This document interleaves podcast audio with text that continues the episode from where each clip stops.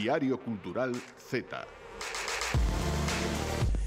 Ola a todos e a todas e benvidos e benvidas unha semana máis ao Diario Cultural Z Como sempre, aquí vos acompañan Paula Cancelar, esta servidora, e Roberto González Boa tarde Moi boa tarde, Paula Que tal, Roberto? Un pouco cansado, pero... Eh... Sí, non?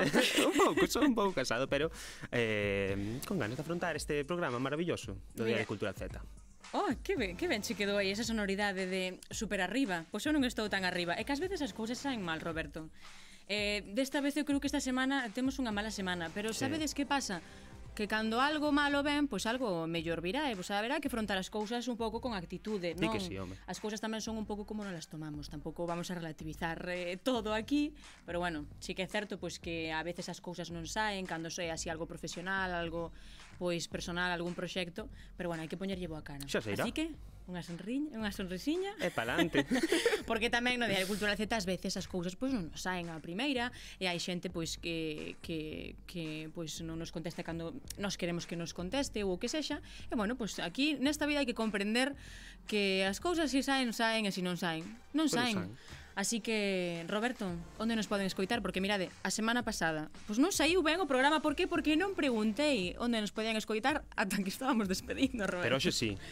Onde nos poden escoitar? Onde poden escoitarnos? Os poden escoitarnos na emisión en directo da Radio Galega case todos os sábados e domingos de dúas e media a tres na, na plataforma de audio propia da, da CRTVG que temos radiogalegapodcast.gal e en todas as plataformas de audio tamén Spotify, iVoox, eh, Apple Music e na canle de YouTube da TVG se queren vernos as caras. As caras é este maravilloso estudo que temos multi, multimedia, vai dicir multiplataforma. Xa de repente aparece por aquí unha rede social, aparece outra rede social. Rede social, donde ah, poden vernos tamén? No, é que, en, que, en que rede social todo. poden vernos? En Instagram. En que, Instagram, que porque non chegamos a máis. Eh, eh Como Flipas. nos gustan a nos os bons reels, así unha boa tontería que sacamos unha e unhas cousas interesantes tamén que sacamos aí de entrevistas que imos facendo con xente do máis interesante que vai pasando por este Diario Cultural Z, así que xa sabedes, onde escoitarnos, pois xo, xo queda pinchar un pouquiño de música e pasar con a cousa que trae Roberto que me encanta, estou eh, desexando estou desexando este concurso, así que un pouco de música, Germán. Oh, oh. are. como podemos fazer Seja não mentiras ou meu ser Se te vejo como faz tremer. Dime como podemos fazer Dime se te passo a recolher Cando chegue tiro-te DM Podemos falarnos pel com pel Dime se te passo a recolher Dime como podemos fazer Seja não mentiras ou meu ser Se te vejo como faz tremer. Dime como podemos facer Dime se te paso a recoller Cando chegue tiro un día Podemos falarnos pel con pel Dime si te paso a recoller Penso que non creo nos momentos. Dos que sonan sen remordimientos penso que non hai xa pasa Os que poder esquecer os tres preciosos beizos, non Todo o que che conto é mentira, non Nunca superei esta caída, non Tremenda hostia partindo da crisma O meu cerebro anda todavía en fuxida E un atopo está remoto, sinto que me pende moto. Dime tranqui, estás moi tolo, tes que manexar Escoitamos Dime, de Fillas de Casandra. E, por certo, que se me olvidaba eh, Que grande parte deste traballo tamén depende de Germán, Gervasio, Germen, depende da semana ten un nome ou outro é de Ángel González, o noso produtor do programa. Agora sí, Roberto. Ai, é que estou hasta nerviosa, eh, a todo. Ver. Van a, a participar Germán e Ángel, por iso me acordei deles, eh, tampouco son tan importantes. entón, contanos, que vas a hacer? É difícil, eh? Sí. É difícil, eh? Porque vou contar varias lendas, varias vale. lendas que sobre todo recollendo unha web maravillosa que hai eh, en internet que é galiciaencantada.com que aí pois recollen varias lendas de diferente tipo, ademais están moi ben categorizadas, e pois recollen varias lendas e tedes que adiviñar de cada unha que vou contar a orixe, o sea, o lugar de onde, son? de, de onde é esa, vale. esa lenda. Vale, o sea, hai que fixarse, isto é como un análisis morfosintáctico, hai que fixarse en todo. Ás veces é azar, eh? Vale, sí. vale, ides ter que apostar polo azar porque bueno, tampouco hai moito dato. É que non teño bolígrafo para apuntar. Bueno, reteño información, vamos. Que é un boli. sí. Toma, para ti. Veña, comezamos logo. Eh, bueno, imos coa primeira lenda deste xogo si de así, Adiviña a, a lenda. Ah, adivinamos a lenda. A primeira lenda chamase O Demo Asubiador. Eso non me di nada, Roberto, non me di nada Esa eso. Está, eh, bueno, eh, de onde? Non. O Demo Asubiador. A ver, que... O Demo Asubiador. Ahora non me vai o móvil, eu flipo. Isto non pode sair nada peor, eh? Ahora, ahora, ahora. Ahora. vale. Vale. Verdade ou lenda, ali onde o río Vou dicir o río. O río dos Gafos se nomea Río da Estación. Acostuma escarabellar un trasno rebuldeiro, o demo asubiador. Ah, o tal perello ten por ocupación escoller no aninovo o, o parvo da aldea, un parvo por ano. O demo invisto seu lecer, que é moito, asubiando no ouvido do escolleito. A vítima pasa o ano escoitando campás e sen saber onde. Algo que me pasa a mí moito. Campás? Pues claro, aquí Iglesias adentro. Cumprido o prazo, o mítico Pillabán afánase na elección de outro coitado e, segundo din, isto leva acontecendo dende que as orellas penduran da cachola. Pero non me das opcións ou algo? Sí. Ah, por favor. As opcións. Opción a. a. Ven de Rodeiro, en Pontevedra. Opción B. Ven de Vilaboa, en Pontevedra. Tamén. Germán de Pontevedra non ten ni idea destos de sitios. Vilaboa. Amoeiro, en Ourense. Tedes pues, que acordar unha opción, Eu eh, vou tirar por Amoeiro, porque a mí o Río Lerdo me parece que que dea pa tanto. Por aí? A Ángel Di a, a Vila, Vilaboa. Vilaboa. Germán Germán Di a Moeiro, non? Dixo a Moedo, pero é a Moeiro. eu digo, eu creo que Ángel é máis listo que con Ángel. Eu digo pois, Vilaboa. Pois, efectivamente, Ángel é o máis listo é Vilaboa. Vamos, Ángel, que equipazo. Efectivamente. Bueno, imos Veña. coa segunda lenda. Vamos. Segunda. A segunda lenda chamase A Pastoriña. Pois pues da pastoriza de Lugo. E ben, Isto é unha lenda que conta unha rapaza que lle contaba a súa tía. É o puro tradición oral, eh? Trae miña aboa que me contou que meu primo, pois o veciño de Juan. Mira, segundo a tía desta rapaza, uh -huh. eh, na par nunha parroquia, ah, Vale. Ás veces aparecíase a persoa que había a persoa que había de morrer unha cadeliña branca, moi bonita e graciosa, que se poñía a seguir a esa persoa por corredoiras e camiños sempre de noite rural. A miña tía rural. chamáballe a pastoriña. Bueno, a tía da rapaza. Ao chegar á porta da casa, a pastoriña desaparecía. A persoa morría en poucos días. É que a min isto de unha parroquia e que sexa rural non me di nada, podería ser calquera lado. Opcións que che vou dar. Ourol, en Lugo. Eh. Mesía, na Coruña, ou Vilar de Vos, en Ourense. Mesía. Ah, é a primeira. Ángel Día Primeira. Jurion. Germán, Vilar de Vos, pois pues Germán, eu Mesía. Ui, que acertaría? Acertou Outra Germán. vez Ángel. Eurol, non en vale. Lugo. Non se eh, vale. eh, sabe, to, sabe todas. Ten o guión. eu non, teño esa páxina, no, onde no, está? Non, só podes saber de ah, aquí no? neste móvil, eh. Oh. Eso está aquí neste móvil. Increíble. Eu flipo. Veña, outra máis. No, é, é que hai que gañar ya esta persoa. Está é un pouco modo Samaín, eh? Está un pouco tenebrosa, eh? Sí. Conta esta lenda que a morte do noivo tampouco me di nada caixa un mozo. Un eh. día eh? empezouse a rumorear que un tolo escapara dun manicomio próximo á cidade de hai de unha pista. O sea, que non vai servir unha das sete cidades. Non vai servir de nada, era unha antiga decir, cidade. O sea, logo nas opcións vou dicir as Mira que Mondoñedo era cidade. Polo visto, este este tolo era un personaxe moi perigoso e estaba totalmente trastornado. Esa mesma noite, unha parella de enamorados a punto de casar decidiron ir pasar a noite a un monte preto do manicomio sen decatarse da fuxida do tolo. Cando estaban a piques de chegar a aquel lugar, o coche quedouselles en gasolina e tiveron que parar na estrada. O home decidiu ir buscar a gasolina mentres que a noiva quedaba vixiando o coche. Xa había gasolina. Eso di moito. Xa pasaran dúas horas e o mozo aínda non volvera. A rapaza estaba moi asustada e nerviosa, cando de repente empezou a escoitar uns sons moi fortes no teito do coche. Ela, atemorizada, sae do coche correndo e cando estivo un pouco alonxada, mirou para atrás e viu no teito do coche un home cunha cabeza humana na man. Pero isto dá muchísimo medo, Roberto. Pero eh, como me eh, traes isto que non vou dormir Puido recoñecer a cabeza. Era a do seu noivo. A rapaz entrou en crise nerviosa e aínda agora non se recuperou. Está internada no mesmo manicomio onde estaba o tolo, quen, por certo, foi detido uns minutos despois. Basta dá moitísimo eh, medo. De eh? onde é esta lenda? A. Lugo. B. Ourense. Ferrol. Ah. E C. Ourense. É que, manico. Lugo. Ángel de Lugo tamén. É que Ángel é de Lugo. Germán, di? Como todas Lugo, son... Todos dicís Lugo. Todas Lugo, Lugo. Efectivamente, de bueno, Lugo está va, lenda. Escribí unas Ángel. o da tía que era a tía ¿eh? de Ángel. Jova, Ángel sabes todas. Veña, eh, a ver. Derradeira, por Venga, hoxe. Va. A derradeira. Pois vamos coa, coa maldición do soldado francés. Vale, xa teño.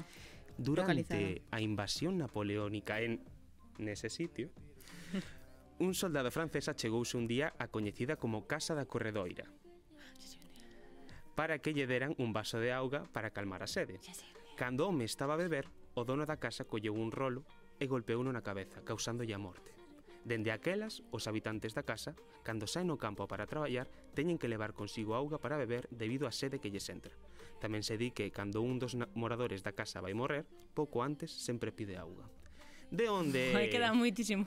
Esta lenda... Eu creo que de Becerrea. Becerrea Lugo é unha opción, pode ser. Eu pode ser que, que coincidise. No, pode ser no. que sexa de Trazo, na Coruña, no. ou pode ser que sexa de Forcarei, en Pontevedra. Eu creo que é de Becerrea, porque en Becerrea está a Ponte de Cruzul, que aí dice que se guardaron armas de Napoleón. Ti que pensas que Napoleón, bueno, pois pues ora di Forcarei, o Ángel, bueno, pois pues Forcarei, pues tenía que decir o mismo se quería un equipo gañador, como cando era pequena, que era sempre do equipo que gañaba, no Forcarei. No, vou dicir Becerrea, eu vou ser fiel aos meus principios. E, eh, e, eh, e Germán di trazo. No, Germán di Forcarella. A Germán aprendeu de min e agora vai co equipo gañador. A resposta correcta é Becerrea. Eh, vamos, el Lugo. vamos. Oye, moi mime moi arriba. a ver, quen gañou? Eu creo que Ángel, Eu creo que gañou Ángel, pero da igual, porque a segunda son eu. Ángel, eh. eh? Germán perdeu, como sempre. Roberto, ti, pues, ao non formar parte do concurso, eh, baste como viñeches ca cabeza ben alta. Ben para Samaín, non creo, eh? Sí, e que daban bastante medo. No, pero sí que dá para pensar, se te das conta, a maioría, por moito que estén centradas, pois, por exemplo, que falábamos dunha dunha cidade, a maioría desenvolvense no rural. Mm, é verdad. Ao final, a tradición oral. Son moi importantes as lendas, a tradición oral, porque ao final Home todo, claro. É un fío que conecta xeracións e que non está moitas veces escrito. E máis moitas caso, veces sí, pero... antes eh, todo se pensaba que viña por unha divinidade, non é que pois se chovía moito era porque algo mal fixeras. Entón empezaban a conectar con historias e dai salían as lendas. Mira que interesante que clase nos deu aquí Roberto de, de cultura e de tradición oral e a ver que clase nos dá hoxe magistral, porque de seguro que nos dá unha clase Jesús Silva e a súa convidada.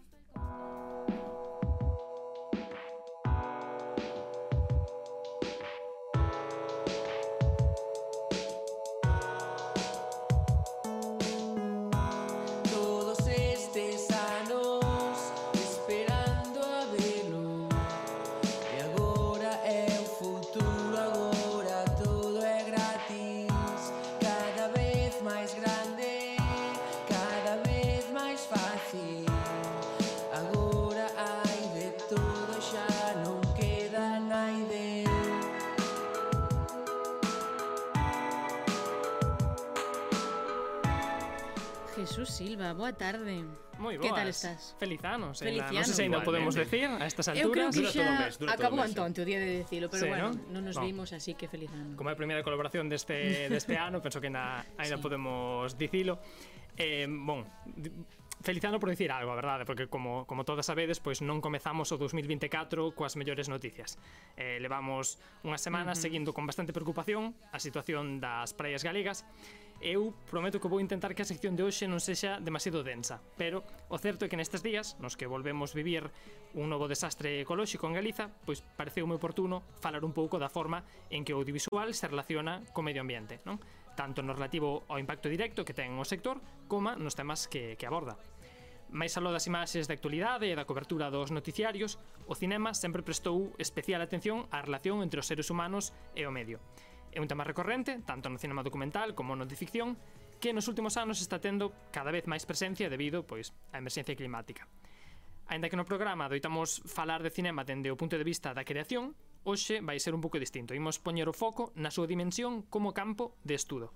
Porque sí, o audiovisual tamén é un terreo moi fértil para a investigación, Eu sei que cando falamos de investigación e medio ambiente o habitual non é que pensemos pois nun enfoque máis científico, o que entendemos como tradicionalmente científico. Pero hoxe queremos poñer en valor o estudo audiovisual e todo o que pode chegarnos para comprender mellor pois como nos relacionamos con o noso entorno. E para falar disto temos unha convidada moi especial. Ela é Ariadna Cordal, cineasta e investigadora productoral especializada precisamente nestas cuestións. Benvida Ariadna, como estás? Hola, moi boas que Ariadna, por certo, tenos que acompañar en Airbridge porque está en Barcelona, a pesar de ser de Cambados, porque entrando xa un pouco na biografía de Ariadna, que me corrixa en todo se me confundo. Ariadna Cordal eh, de Cambados naceu no 1997, pero como decimos, agora mesmo está estudando na Universidade Pompeu Fabra e investigadora no grupo Cinema, e actualmente está a facer unha tese doutoral na que investiga discursos e motivos visuais, pero, como decía Jesús, da emerxencia ecolóxica no cinema documental español. No ámbito cinematográfico dirixiu varias curtas que foron seleccionadas en festivais galegos como FICBUEU, Cortocircuito e Cans, como poden ser estas pezas Aurea Última Noite, codirixida con Dani Cornes, ou Papá, por que quitas a música, e tamén foi editora a súa vez da curta Onde dormen as gaivotas e directora de O Patio, o que agora mesmo está aínda en postproducción. Pois nada, así como comentas... Exacto, perfecto. Todo perfecto, non? Así. Temos información correcta. Nada, quería comentar que, bueno, o perfil de Ariadna efectivamente é moi é moi interesante, ela é graduada en comunicación audiovisual eh, e, e agora mesmo, pois, nestes últimos anos compaxinou tanto a creación como a investigación académica. Eu quería comezar preguntándolle, pois, eh, por que decidiu especializarse precisamente neste tema, non? De onde, de onde xurde interese por este tema en particular? Pois, moi ben. Eh, Eu cheguei a Barcelona para estudar o mestrado de Estudos de Cine e Audiovisual Contemporáneo que ofrece a Universidade Pompeu Fabra, un pouco porque me quedei despois da, de estudar, ter estudado Comunicación Audiovisual eh, na Universidade de Vigo. Con un poquinho de ganas de ampliar coñecementos sobre o cine, sobre o audiovisual en xeral, eh, intentar ver como iso podía mellorar eh, eh, mm, ampliar as miñas capacidades tamén a hora de plasmalo audiovisualmente e facer curtas eh, películas eventualmente. Así que intentei ampliar un pouco o coñecemento en xeral e despois pouco a pouco forme saindo oportunidades para eh, encamiñar máis as miñas habilidades cara á investigación o cal tamén atopei moi fascinante entón xa quedei un pouco aquí así que me metín a, a esta tarea un pouco topeica que é facer unha tese doutoral. Porque en concreto, ¿no? eh, o tema, bueno, esas conexións ¿no? entre, entre o cinema e o medio ambiente, a crise ecolóxica, de onde, de onde nace ese interese particular eh, como, como campo de estudo? É interesante porque a pesar do que pode pensar a maioría da xente de que a investigación é algo como moito máis serio, creo que tamén hai cada investigador ten un pouco as súas paixóns persoais eh, eu conectei no moito precisamente pois cos primeiros recordos que teño de cando era nena eh, do, da marca que me deixou, da pegada que me deixou o desastre do Prestige. Eh, un pouco pois um, conectando coa mm, um, super interesante introducción que fixeches eh, pois como o cinema está últimamente recuperando moitos temas relacionados con isto, por exemplo, creo que o que arde é un caso que todos coñecemos e que foi paradigmático neste sentido. Eh, pois a raíz de aí intentei focalizar máis estas tensións que había entre a natureza e eh, e como habitamos a paisaxe, entón a raíz disso pois eh decidí estudar a ver que podería haber por aí. Bon, agora mesmo estás eh, no medio do, da, da túa tese doutoral. Eu quería saber o que poidas contarnos. Evidentemente sabemos que é un traballo longo, un traballo en proceso Pero falarnos un poquinho pois, eh, do tipo de filmes que estás analizando Un pouco das principais vías de estudo ou teses que estás desenvolvendo Porque entendo que é algo un pouco máis acotado no? dentro, dentro dese tema tan amplo como pode ser a, a conexión entre o cinema e, o, e, o, e como retrata ou como, como aborda o temas medioambientais. Pois sí, eh, como, bueno, o título da miña tese é, é bueno, é en castelán por ao estado estarlo facendo aquí en Cataluña, así que é Imágenes de la emergencia ecológica en el cine documental español, tensiones entre naturaleza, tecnología e poder. Eh, E basicamente empecé traballando de feito con películas de ficción, pero acabei eh, especializando a películas documentais porque xa dentro do, do cinema español creo que non hai ninguna tese polo que polo menos ata o meu coñecemento que aborde este tema, entón, pois, eh, segue sendo un tema super amplio e que se pode abordar dende, moitos dende moitas perspectivas diferentes, pero dentro do cinema español pareceme que hai certos documentais, especialmente documentais experimentais eh, dos últimos anos que tratan perspectivas moi interesantes de como relacionarse co, coa natureza. Eh, por exemplo, eu intentei focalizalo en eh, explotacións petrolíferas, minaría e eh, embalses e producción de hidroenerxía.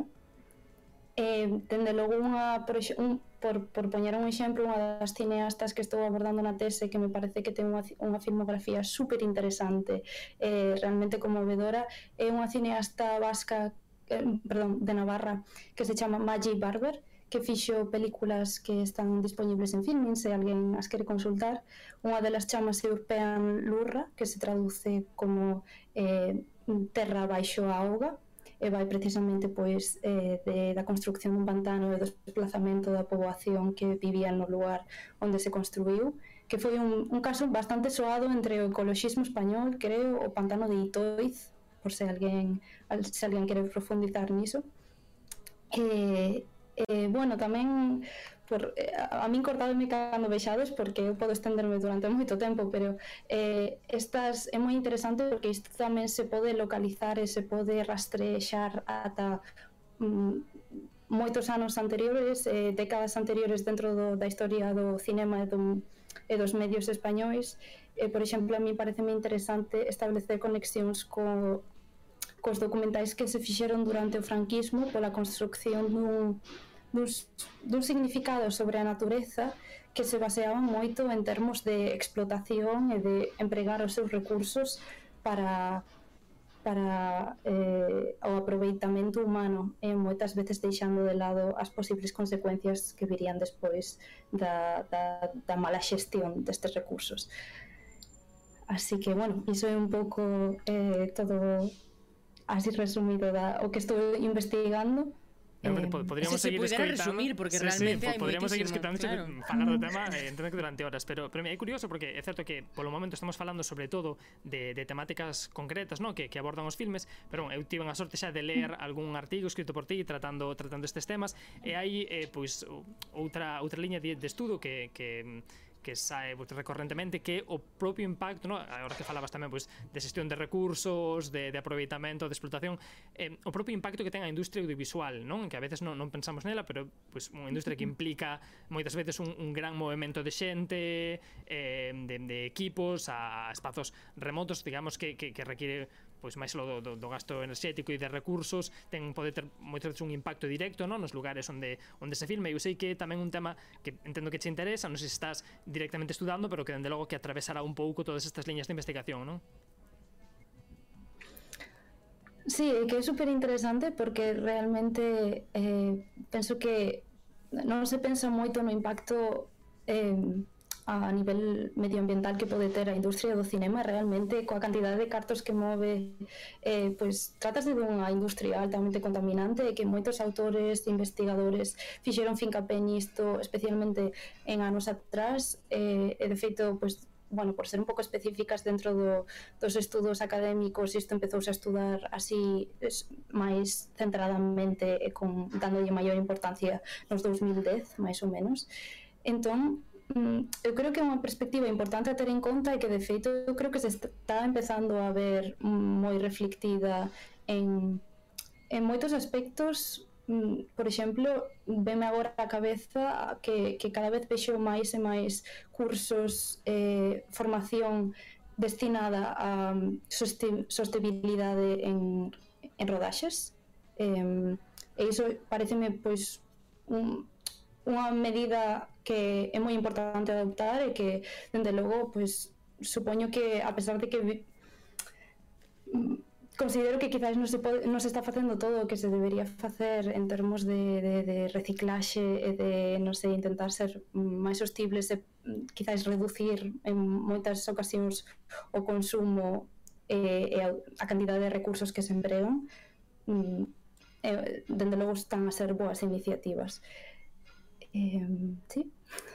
Eu quería preguntarche tamén, eh, saindo un pouco, digamos, a un tema un pouco máis xeral neste caso, comentábamos ao principio que é certo que eh, non adoitamos facer eh, esa conexión habitualmente cando pensamos en, en investigación universitaria, moita xente pois non pensa en este tipo de, de estudos, non? de análises de culturais, audiovisuais. Eu quería que nos comentes un pouco brevemente eh, como ves un pouco a situación do, do sector non? De, de, de investigación audiovisual en España, investigadoras sobre todo eh, en temas de ciencias sociais, de humanidades, eh, cal é a situación pois, cas bolsas, cos os grupos de investigación, un pouco se foi como de complicado foi para ti acceder a, a, esta, a esta posición? Um, a ver, realmente hai que decir que a situación dentro da, da universidade, da Academia de Oportunidades non é eh, a mellor, non? Levase moitos anos falando do, do difícil que é facer ciencia en España, eh, e dentro de ciencia incluímos tamén, por suposto, ciencias sociais ou, neste caso, eh, a pesar de que o cinema en España está considerado mm, moitas veces e sobre todo a termos de, de, aplica, de, de solicitar, solicitar axudas dentro das ciencias sociais tamén se mestura moito coas humanidades e, digamos como cunha análise máis filosófica incluso non? Eh, bueno, digamos que é unha situación complicada que pedir axudas é complicado, son procesos moitas veces burocráticos, arduos e longos.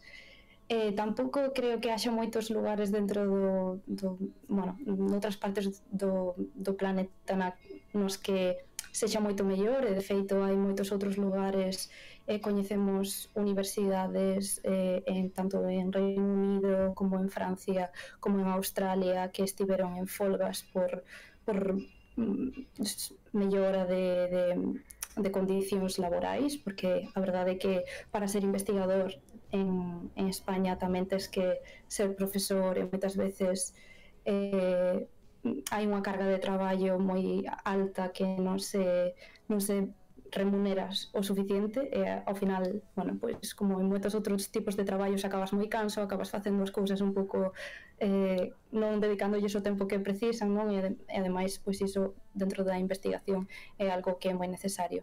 Eh, un pouco por comentar a miña situación, eu pedín unha axuda do Ministerio Español, como se mencionou antes na na introducción sobre a miña biografía, é unha axuda moi competitiva que ademais basease moito pola, pol, polo expediente académico.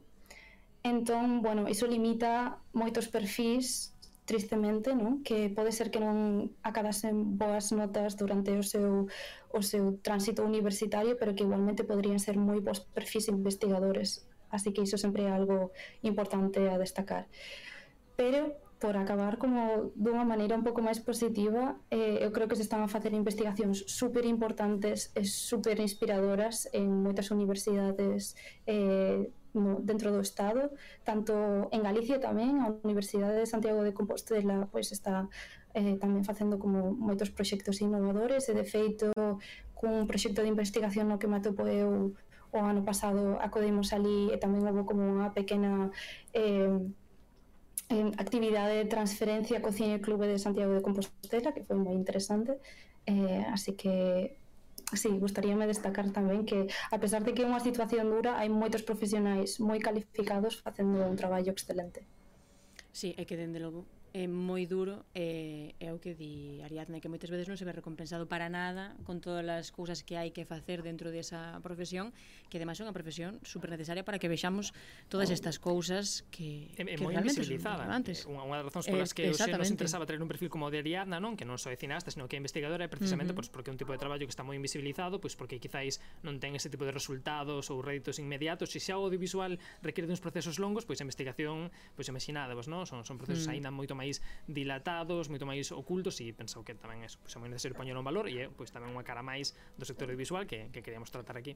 Hmm, desde logo que Ariadna, moitísimas grazas por estar aquí connosco porque botaches un montón de luz sobre un montón de, de cousas que non sabíamos e de cousas que quizáis non valorábamos tanto nin, nin barallábamos. Moitísimas grazas de verdade Ariadna, moito ánimo con todo o que o que che ven por, por diante pois nesto, porque o proceso de tese xa sabemos como é, que hai subidas, hai baixadas, pero dende logo que é unha carreira de fondo e que na que necesitas moitos ánimos. Moitísimas grazas a vos por convidarme. Eh, Pareceme fantástico que tamén se lle dea máis visibilidade e investigación dende en eh, medios como os vosos. Así que moitas grazas. Grazas a ti, e máis visibilidade que se lle debería de dar Porque moitas veces incluso nin sabemos as axudas que hai Nen os procesos que debería facer un alumno ou alumna que quixera meterse en todo este, en todo este proceso Esta carreira, como decimos, de, de fondo. Jesús, moitísimas grazas a ti tamén por, como sempre, traer invitados e invitadas que, como dicimos, e que non hai outra maneira de dicilo, que, que botan luz eh, sobre sobre todas as cousas e que, sobre todo, nos abren novos horizontes e nos ensinan un montón de cousas. Esta é a razón pola que facemos o Z. Así que esperamos seguir aquí e de, traendo a, a perfis tan interesantes como Arianda. Moitas grazas Ata a vos. Ata a próxima colaboración, Jesús. E nos agora temos que continuar e darlle paso a nosa colaboradora Celia Iras.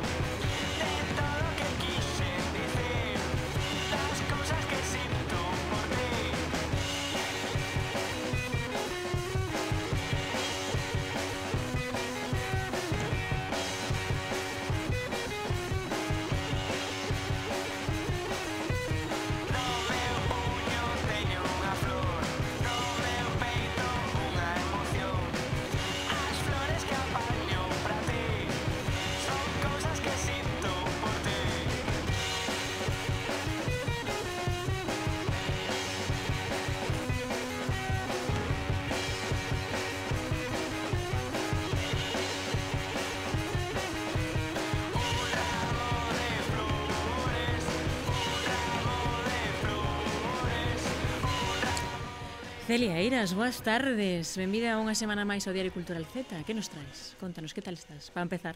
Bueno, boas tardes, boas feliz tardes. ano.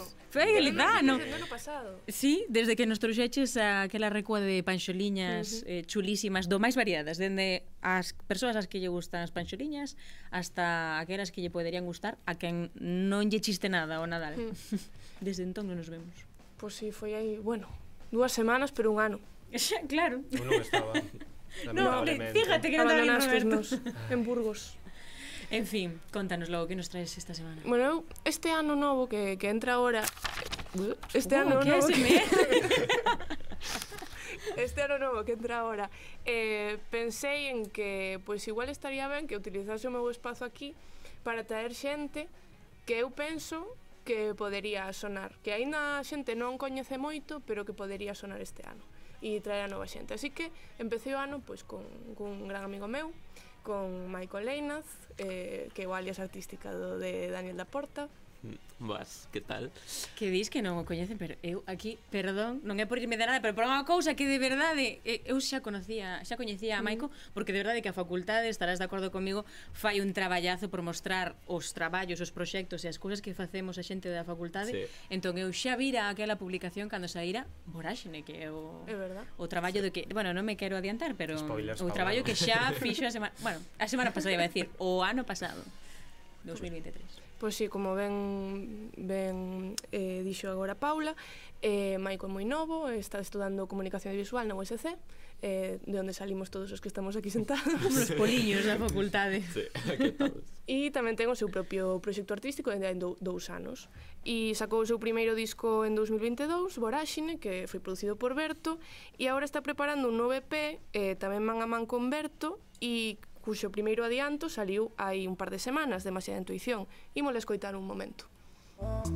Sentín tantas cousas a ver Cando te vim por primeira vez Lembrate na esquina do Zara E o mundo se para, se para, se pa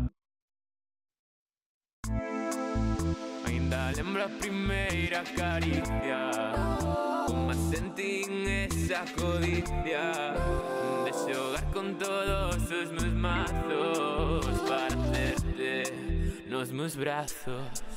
Os nosos beixos foron unha poción. Xa non lle fago caso a razón. Roubaches o meu corazón. Un nesto de pura paixón. Os teus beizos a miña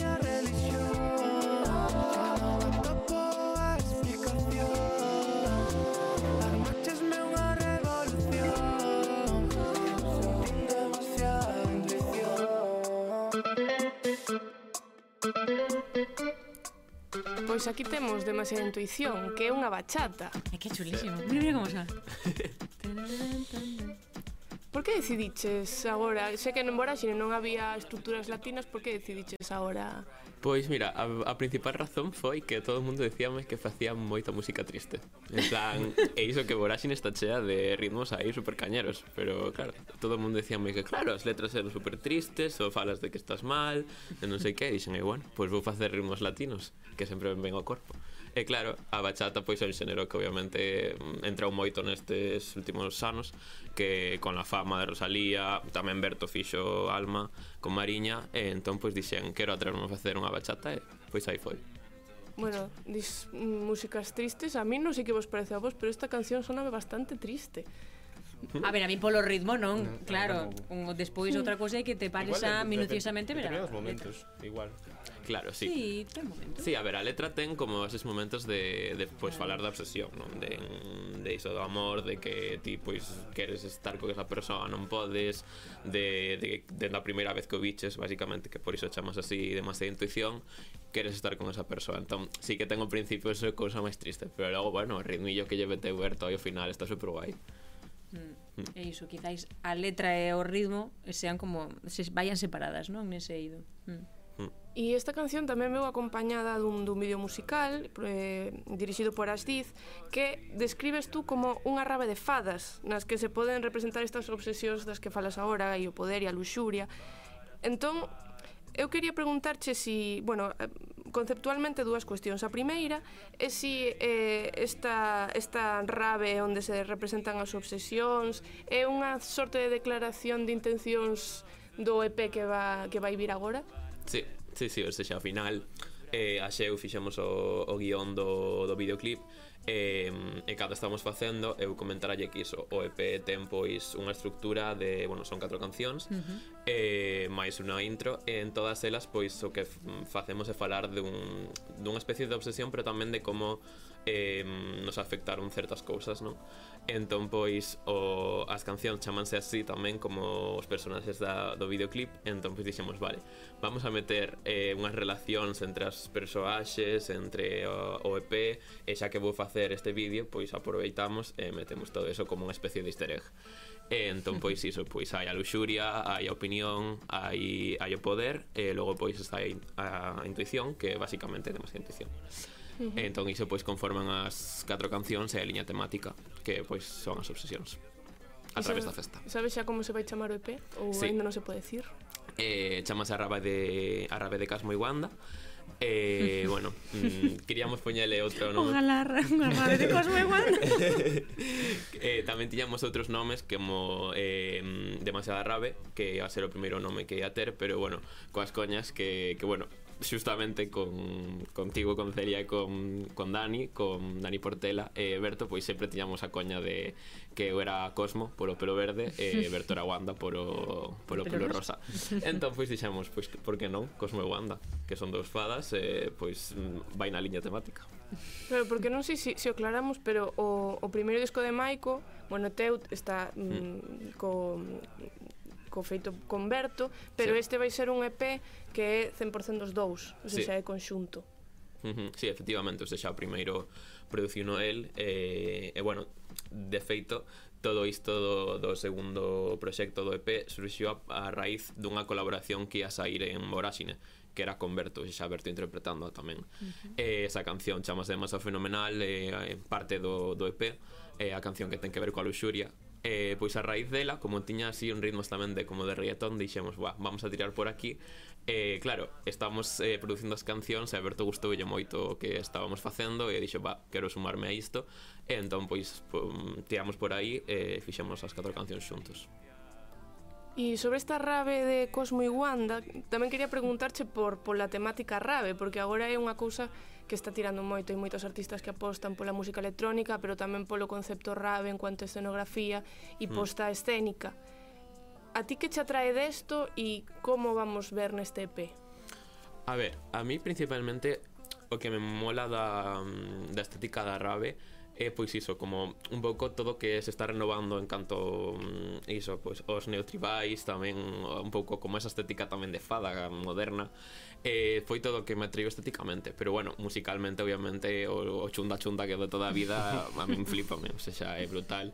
E ademais tamén estamos vendo unha liña eh, sobre todo a nivel nacional de, de artistas que tamén están facendo moito moito que ver con iso, sexa Zahara, eh, bueno, tamén Lola Indigo, Belén Aguilera, Aitana, toda estética rave, eh, música rave electrónica, eh, eu quería sumarme a iso e dixen, va, vamos a tirar por isto. Eh, de feito, bueno, se podo leválo directo facer unha rave grande, pois mm, molaría un montón. É unha declaración de intencións. Sí, efectivamente. que guai. Pois pues, sí.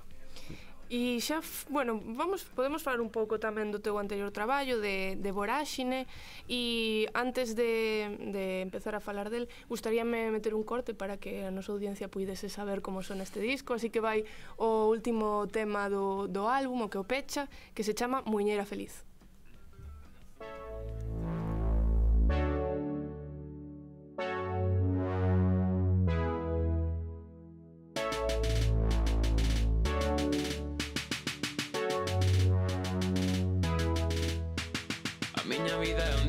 encontré Eso teño 18 Teño medo do que me espera Vexo todo tan borroso. Vivo con tanta ansiedade Que paso días tormentosos. Só quero sanarme Sair dunha vez deste pozo. A miña vida é un desastre E só teño 18 Teño medo do que me espera Vexo todo tan borroso. Vivo con tanta ansiedade Que paso días tormentosos. Tan só quero sanarme Sair dunha vez deste pozo.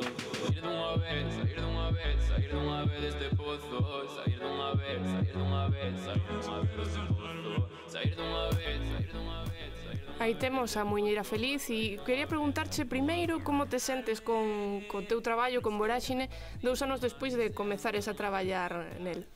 Pois, uf, eh, un pouco mm, sentimentos encontrados. Eu estou moi orgulloso do que fixen e, e bueno, para mm, comezar, pois creo que foi un traballo super chulo. Eu, mm, ao final as letras traballainas dende que era adolescente e levalas a, ao que foi logo un proxecto con Berto que eu admiraba moitísimo e admiro o día de hoxe un montón.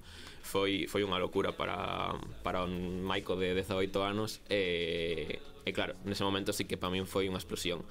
Agora mesmo, dous anos atrás sí que mm, gustaría meter feito as cousas de forma diferente porque, bueno, ao final cando empezas nunca sabes tampouco como facer as cousas.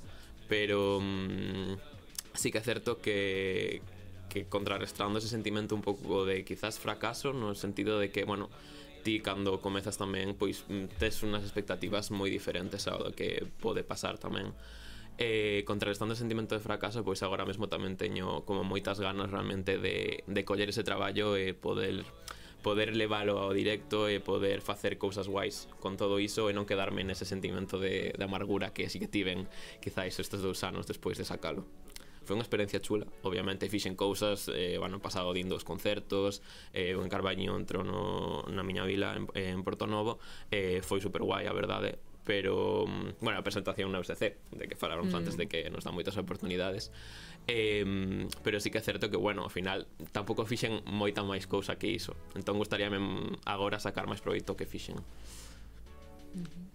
Claro, tamén comezar unha carreira artística musical é moi complicado, e Galicia, aínda que sexa máis pequeno e eh, igual dá a sensación de que é máis fácil chegar a sitios porque é máis, máis fácil construir unha base, ao final é certo que hai moitas propostas musicais e chegan arriba eh, moi poucas pero bueno, eu creo que deberías estar contento co, sí. co que chegache. Sí, sí, o sea, claro, obviamente, jolín, é guai, de feito, bueno, Muñeira Feliz, por exemplo, joder, a mí me deu moitas alegrías no momento de que de repente vin, wow, mm, eh, está tendo moi, moitas reproduccións, e eh, foi como, jolín, sabes? Pero son mm. cosas mm. que tamén ti eh, tes unhas expectativas do que pode pasar e realmente cando ves que está pasando de forma diferente, quizás, pois eh, rayaste un montón. E agora mesmo eu sí que, de feito, eh, falaba moito cos meus amigos este Nadal de que, botando a vista atrás, sí que, joder, logrei moitas cousas, estou moi orgulloso agora, pero ano pasado sí que estaba en plan, buah, es que non salió nada, es que hmm. non me llaman de É que somos moi críticos con sí, nos sí. mesmos, somos a persoa que máis crítica vai ser con Claro, sí, sí, o sea, ao final eu tamén son moi autocrítico comigo mesmo.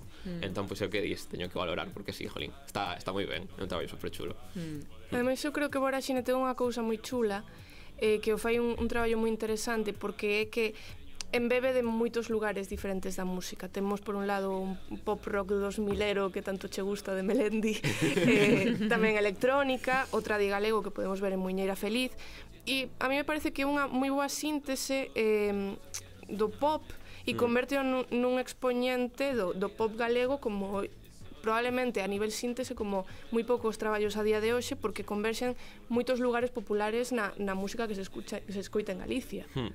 Sí, sí, eso é certo, nunca o vira dende esa perspectiva, pero jorín, ao final, pois sí que é certo que ah, ten, pois eso, turneda que é un pouco máis polo rock, eh, eso de Melendi, de Miriam Rodríguez tamén, que, que ao final pois pues, eu vin de, de iso toda a vida O sea, realmente de feito cando compoño mm, soa sempre así.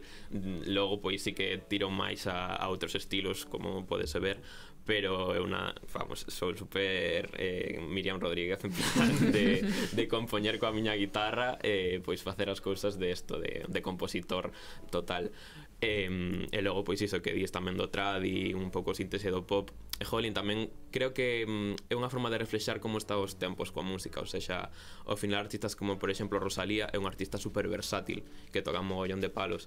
Eu creo que tamén é, mm, é o artista que agora mesmo está empezando a ver se xa somos artistas que xa non só somos dun xénero, mm. somos de moitos xéneros. E eh, obviamente eu definome dentro do xénero pop eh, e quero tirar moitísimo por aí, e eh, chegar ao punto do, do pop perfection que se soe falar, pero ainda así eu quero ser un artista super versátil e tocar mollón de palos. Entón, pois, moitas grazas porque gustame que, que digas iso.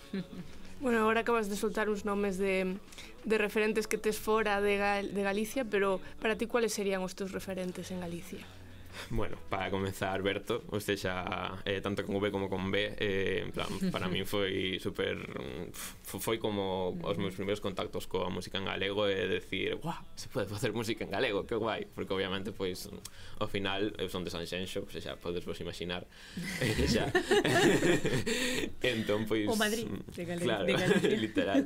Eh, bueno, agora mesmo xa fillas en Mondra, en plan, pff, tamén o que o que fan, de feito o concerto que vin de Mondra eh eh, na, na igrexa eh, pf, mm, da UCC foi, vamos, mm, super guai, plan, buf, brutal.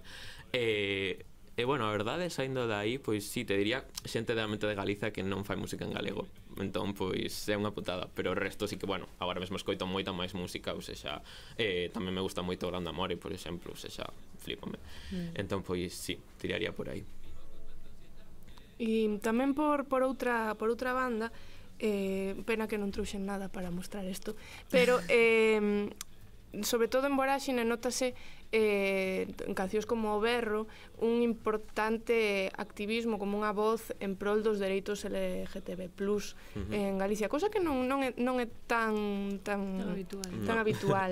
entón eu quería preguntarche como chegastes o, o, o punto de, decir, vale, si sí, vou levantarme e vou falar sobre isto. Pois, a ver, a verdade é tamén un proceso un pouco persoal, non? Ou seja, ti cando reivindicas algo social, tamén eu creo que mm, para empezar da base podes ter a intención de reivindicalo, pero eu creo que tamén un proceso de, saname, de saneamento propio, ou seja, ao final, pois, ti tes as túas propias experiencias, eu cando era pequeno, pois, sufrín bullying tamén, e, eh, jolín, ao final, mm, eu sempre refuxeime na música, e, eh, entón fui como, vale, quero sanar iso facendo unha canción, que mm, tamén ten unha reflexión persoal de eu xa pasei por isto, por todo ese momento de estar silenciado e agora teño a voz para poder falar polos que es silencian. Entón, por que non facelo, sabes? Ou seja, eu creo que que é algo que mm, non, non é obrigatorio de todos os artistas, pero se realmente queres facelo, porque non o vas facer. Eh, entón o berro para min é unha canción super especial que, que en flipa me de feito eh, a miña máis canción máis escuitada das, do meu Spotify eh, porque flipame eh, sabes, entón pois non sei, é como reivindicar o, o meu orixe con respecto a, a miña sexualidade tamén eh, tamén ao meu neno pequeno, en plan de decir, oye Dani, que, que agora vas a poder facer eh, isto vas a poder berrar cando non podías facelo. Entón, pois, é iso. Que bonito. Mm. Jo, que emotivo. okay. Ahora que dixo o de Spotify, Tú escoitaste moito a ti mesmo. Sí. e que pasa? no, é, que, é unha, é unha, porque hai xente que non é capaz de escoitarse. Hai artistas que non son capaces de escoitarse porque mm. está dá moitísima rabia e logo hai outros que se escoitan moitísimo. Mm. Moitísimo. Entón, eh, A ver, eu mm, creo que incluso mm, ata niveles de machaque eh. En plan, de escoitar moitísima miña música Ou seja, que eu... dixo, se escoitei o berro 50 veces Literal, ou seja De feito, co, co EP, eu teño este EP xa rematado Dende casi mm, febreiro do 2023 Entón, sí, sí, sí eu teño este EP guardadiño de non hai moito tempo. Entón, claro, eu pf, pf, cancións de memoria, os meus pais, o meu mozo, eh, todo o mundo sabe eh, as miñas cancións porque estou poñéndolas todo o rato. Eh, porque, sabes, esa necesidade tamén de sacalas, pois, ao final, a min chame por dentro de estar escutando todo o rato. Eh, sí, sí, sí, moitísimo. E máis alá deste pe? Que tes algo planeado, algo por facer? Pois, bueno, en relación do que falábamos antes do sentimento de fracaso, eu estanqueme bastante niso. Entón, eh, o que sí que puiden facer foi compoñer a hostia, en plan, pff, teño, non sei, igual eh, xa 30 cancións compostas eh, eh, cun, est cun estilo xa marcado tamén eh, que quero tirar por aí e, e ademais o que son super obsesivo cos conceptos que eu tanto Voraxine como Árabe de Cosmo Wanda naceron dos conceptos todo, e as cancións nacen dos conceptos o sea, eu incluso fago os títulos das cancións antes de telas eh, compostas sabes uh -huh. eh, porque quero xirar sobre ese concepto entón cara a iso eu quero eh, baile en plan tirar polo aprender de, a bailar moitísimo eh, quero quero formarme niso tamén obviamente eh, con cos instrumentos estou comezando a tocar o piano e, eh, e eh, bueno cara adiante este ano, a verdade, pois espero sacar o EP eh, cando, cando poida. E eh, pois logo pois creo que vou empezar a sacar así single soltos se podo cara ao seguinte disco para facer unha estructura de pois máis ou menos cinco singles ou así para, bueno, dale darlle publicidade porque teño intencións de facer un disco como Dios manda, grande e, e currámelo, sabes? O sea, teño intención diso. E tes eh, conceptos xa po disco? Xa terá o título? Falta o sí, sí, teño, teño, teño unha especie de título que non sei se, se será ese. En plan, teño un que, que gustame moito que é Neo por, por ser un novo eu. Uh -huh. E eh, logo outro que chamase Ouch, que bueno, son as nomenclaturas de adulto, universitario, cantante e humano. Eu pensaba que iba a doer algo. ah, claro, aí, aí esta cousa, que claro. todo iso doe. Entón, mm, pois, claro. ouch.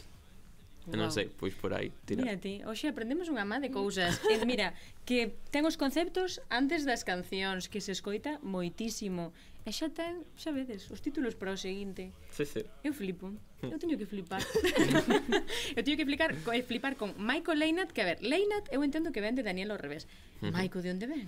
Pois mira, Maiko ven eh, dunha relación que tiven moi forte con, con miña tía, porque, bueno, foi unha persoa que me marcou moitísimo.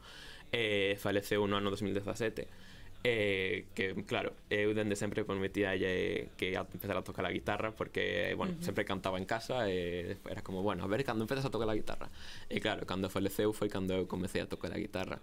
E un día falando con a miña familia dixen eu, buah, quero un nome artístico pero non me quero chamar Dani porque hai moitos Danis na vida moitos Todos vos Dani Martín. Claro, por exemplo eh, entón pois coas coñas eh, foi como, buah, ese me chamo Maiko, porque a miña tía chamábase Maica Entón, pois, foi como, meña, Maico. Que bonito. Sí. Ai, é fermosísimo. Sí, é moi bonita, verdade. Oa, Maico mm. Leina, tá aí tedes. Sí.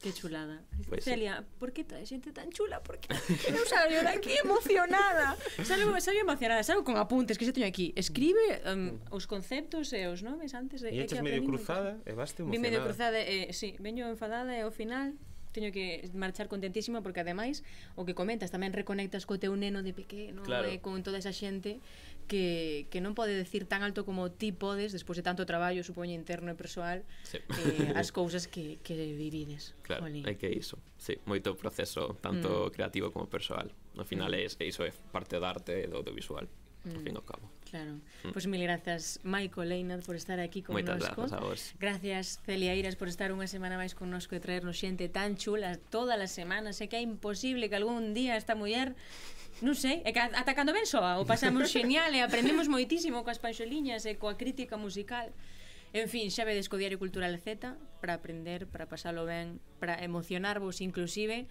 Así que esperamos unha semana máis, a semana que ven e o resto do ano estar aquí para emocionarvos, para transmitirvos cousas, contarvos cousas, recomendarvos e eh, facervos compañía. Moitísimas grazas a todas e a todas por estar aí. E marchamos coa canción íntegra con demasiada intuición. Os beixos foron unha poción Xa non lle fago caso a razón Roubaches meu meu corazón Ao noso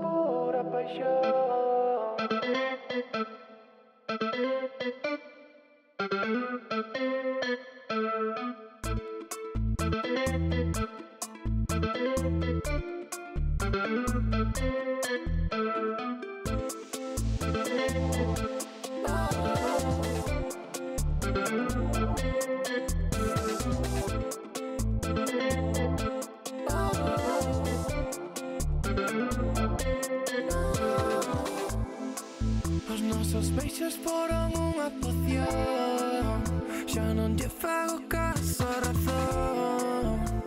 Roubaxesme o meu corazón.